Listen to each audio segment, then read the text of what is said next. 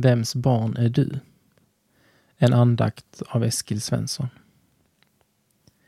Ni har inte fått slaveriets ande så att ni på nytt måste leva i fruktan. Nej, ni har fått barnaskapets ande och i honom ropar vi Abba, far. Anden själv vittnar med vår ande att vi är Guds barn. När man blir äldre kan man se tillbaka på sin uppväxt med vuxna ögon. Inte för att 25 år är särskilt mycket. Jag menar, jag som 25-åring har många barnsliga sidor kvar, tack och lov. Hur som helst. Jag hade förmånen att få två föräldrar som tog hand om mig på ett väldigt kärleksfullt sätt.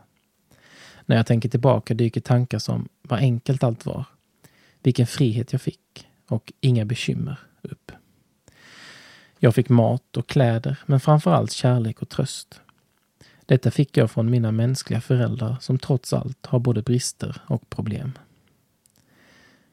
Tänk att det finns en utan brister eller problem som vill vara min förälder. Det finns en som vill kalla mig sitt barn och som alltid vill vara vid min sida. Tänk att det finns någon som längtat efter att jag skulle måla den där första streckgubbsteckningen. Längtat efter att få se mig ta första simtaget.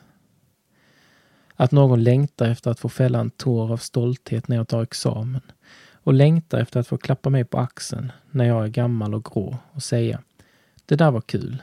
Vi gör det igen. Fast i evigheten. Läs gärna detta stycket igen. Som om det är dig det gäller. Bam! Det är vår Gud det.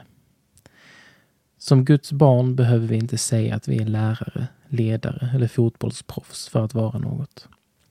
Jag tror att när vi presenterar oss som Guds barn så blir Gud helt till sig.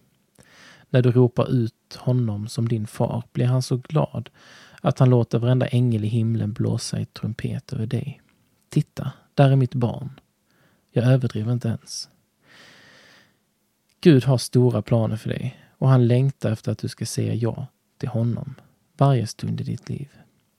Inte är det lätt, men Gud har gjort det möjligt genom Jesus, sin förstfödde son. Bön. Gud, visa mig vem du säger att jag är.